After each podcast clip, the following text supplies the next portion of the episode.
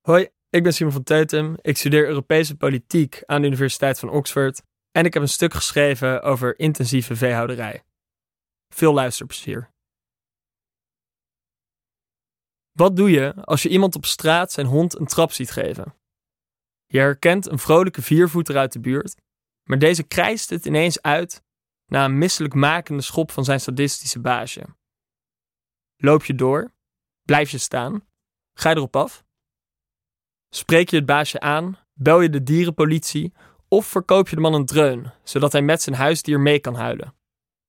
Mensen leggen zichzelf verschillende plichten op wanneer ze vreedheid tegenkomen. Maar ergens ver onderaan het morele lijstje staat dat je van het leed zou profiteren. Toch doen dagelijks ruim 3 miljoen Nederlanders precies dat. Profijt trekken uit onnodige, onlogenbare medogeloosheid naar dieren. Ruim de helft doet het minstens drie dagen per week. Het gaat er alleen niet om honden die een tik krijgen, maar om biggen die onverdoofd moeten verduren hoe hun krulstaart wordt afgefikt. Kalfjes die direct na hun geboorte bij hun moeder worden weggehaald. Onthorende lammetjes die nog voor hun eerste verjaardag onverdoofd geslacht worden. Donzige kuikens die in zes weken vet gemest worden tot plofkip. Het verschil met de getrapte hond dit gebeurt buiten ons blikveld. Als je er niet naar zoekt, word je zelden met de ongemakkelijke feiten geconfronteerd. Denk je dat het allemaal wel meevalt? Laten we een quiz doen. Hoeveel landbouwdieren zitten jaarlijks in de noor van de Nederlandse vee-industrie? Antwoord: meer dan 400 miljoen. Ruim 20 keer het aantal inwoners in ons land. Hoeveel worden er dagelijks geslacht? Meer dan 1,7 miljoen levende wezens. Zet op de stadionstoelen van alle 18 eredivisieclubs een dier en dan ben je nog niet eens op een kwart. Hoeveel megastallen telt ons land? Maar liefst 999. Ruim twee keer zoveel als in 2010. Maar een deel van de veestapel is biologisch, toch? Juist ja. Een schamele 3,4 procent. Nederland is daarmee een van de hekkensluiters van de Europese Unie. Bonusvraag. Op hoeveel leefruimte hebben jonge varkens recht in Nederland? Tussen de 0,2 en 1 vierkante meter. Zelfs op een studentenkamer in Amsterdam, lees een bezemkast van 6 vierkante meter, kun je dus 6 tot 30 varkens kwijt. Het gros van die miljoenen dieren, waarvan sommige intelligenter zijn dan die sympathieke buurthond, heeft een leven dat op zijn best belabberd en op zijn slechts gruwelijk is. De Franse filosoof Descartes kon in de 17e eeuw nog wegkomen met de gedachte dat dieren gevoelloze machines zonder denkvermogen waren. Maar anno 2022 behandelt de bio-industrie hen nog steeds zo. Ook al heeft de wetenschap die machinegedachte al lang verpulverd. Varkens zijn sociaal, nieuwsgierig en razend intelligent. Ze tonen emoties en kunnen zelfs stress van andere varkens aanvoelen. Koeien maken niet alleen nauwkeurig onderscheid tussen andere koeien, maar ook tussen mensen. Zelfs kippen hebben een wezenlijk inlevingsvermogen. Maar stel dat je daadwerkelijk zero fucks geeft om de belevingswereld van dieren. Stel dat jij die persoon bent die zijn schouders ophaalt als hij iemand zijn hond ziet trappen.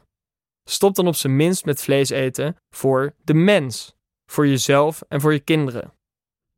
Vlees is goed voor 40% van alle broeikasgasuitstoot die vrijkomt bij de productie van het voedsel van de gemiddelde Nederlander. Vlees overslaan is een van de grootste stappen die je als individu kunt zetten om je CO2-voetafdruk te verkleinen. Je hoeft niet ver te zoeken om daar de noodzaak van in te zien. Deze zomer staat een deel van Europa in brand. Vorige zomer stond Valkenburg onder water. Het is binnen mijn generatie, ik ben van 1997, populair om je activistisch op te stellen. Een Instagram-story is zo geplaatst. Helaas, principes worden niet gedefinieerd door wat je roept, maar door wat je bereid bent op te geven. Het goede nieuws: om te stoppen met vlees hoef je steeds minder op te geven. Alternatieven zat. Zelfs op de menukaart van steakstalling Loetje vind je een 3D-printe biefstuk. De tijd van smoesjes is voorbij. Vlees eten uit intensieve veehouderij is niet meer moreel verdedigbaar, als het dat ooit al was. Kijk je naar de geschiedenis, dan heeft elke generatie gewoontes waarop men 50 jaar later terugblikt met walging. Hoe kan het toch dat we zoiets verwerpelijks ooit normaal vonden? Ik ben er tot op het bot van overtuigd dat de bio-industrie voor onze generatie een van die gebruiken is. Filosoof en econoom Amartya Sen schrijft in The Idea of Justice dat je geen perfect idee van rechtvaardigheid hoeft te hebben om onverholen onrechtvaardigheid te herkennen. Net zoals je geen perfect idee van kunst hoeft te hebben om te zien dat ik voor geen meter kan schilderen. Hij heeft groot gelijk.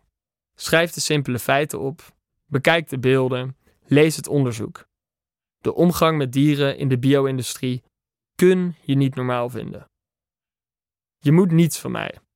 Maar vraag jezelf af: als technologie over 50 jaar intensieve veehouderij overbodig heeft gemaakt, en je kleinkind vraagt jou hoe lang jij nog aan zoiets akeligs hebt bijgedragen, wat wil je dan zeggen? Dat je in 2022 besloot dat het niet langer kon. Toch? Het is de missie van de correspondent om voorbij de waan van de dag te gaan. Onze correspondenten voorzien het nieuws van context en schrijven over de grote thema's van deze tijd. De correspondent geeft me de vrijheid om mijn nieuwsgierigheid te volgen en de tijd om verhalen te schrijven. En zo probeer ik onzichtbare structuren zichtbaar te maken en een andere kijk te bieden op debatten die het nieuws domineren. Dan gaat het minder over het spelletje en veel meer over wat er op het spel staat. Vanaf dag 1 zijn onze artikelen, boeken en podcasts gefinancierd door onze leden. Volg ons op onze journalistieke zoektocht. Overweeg eens lid te worden van de correspondent. En maak daarmee samen met ruim 70.000 anderen onze onafhankelijke journalistiek mogelijk. Dus word lid van de correspondent. Ja. Word lid. Word lid.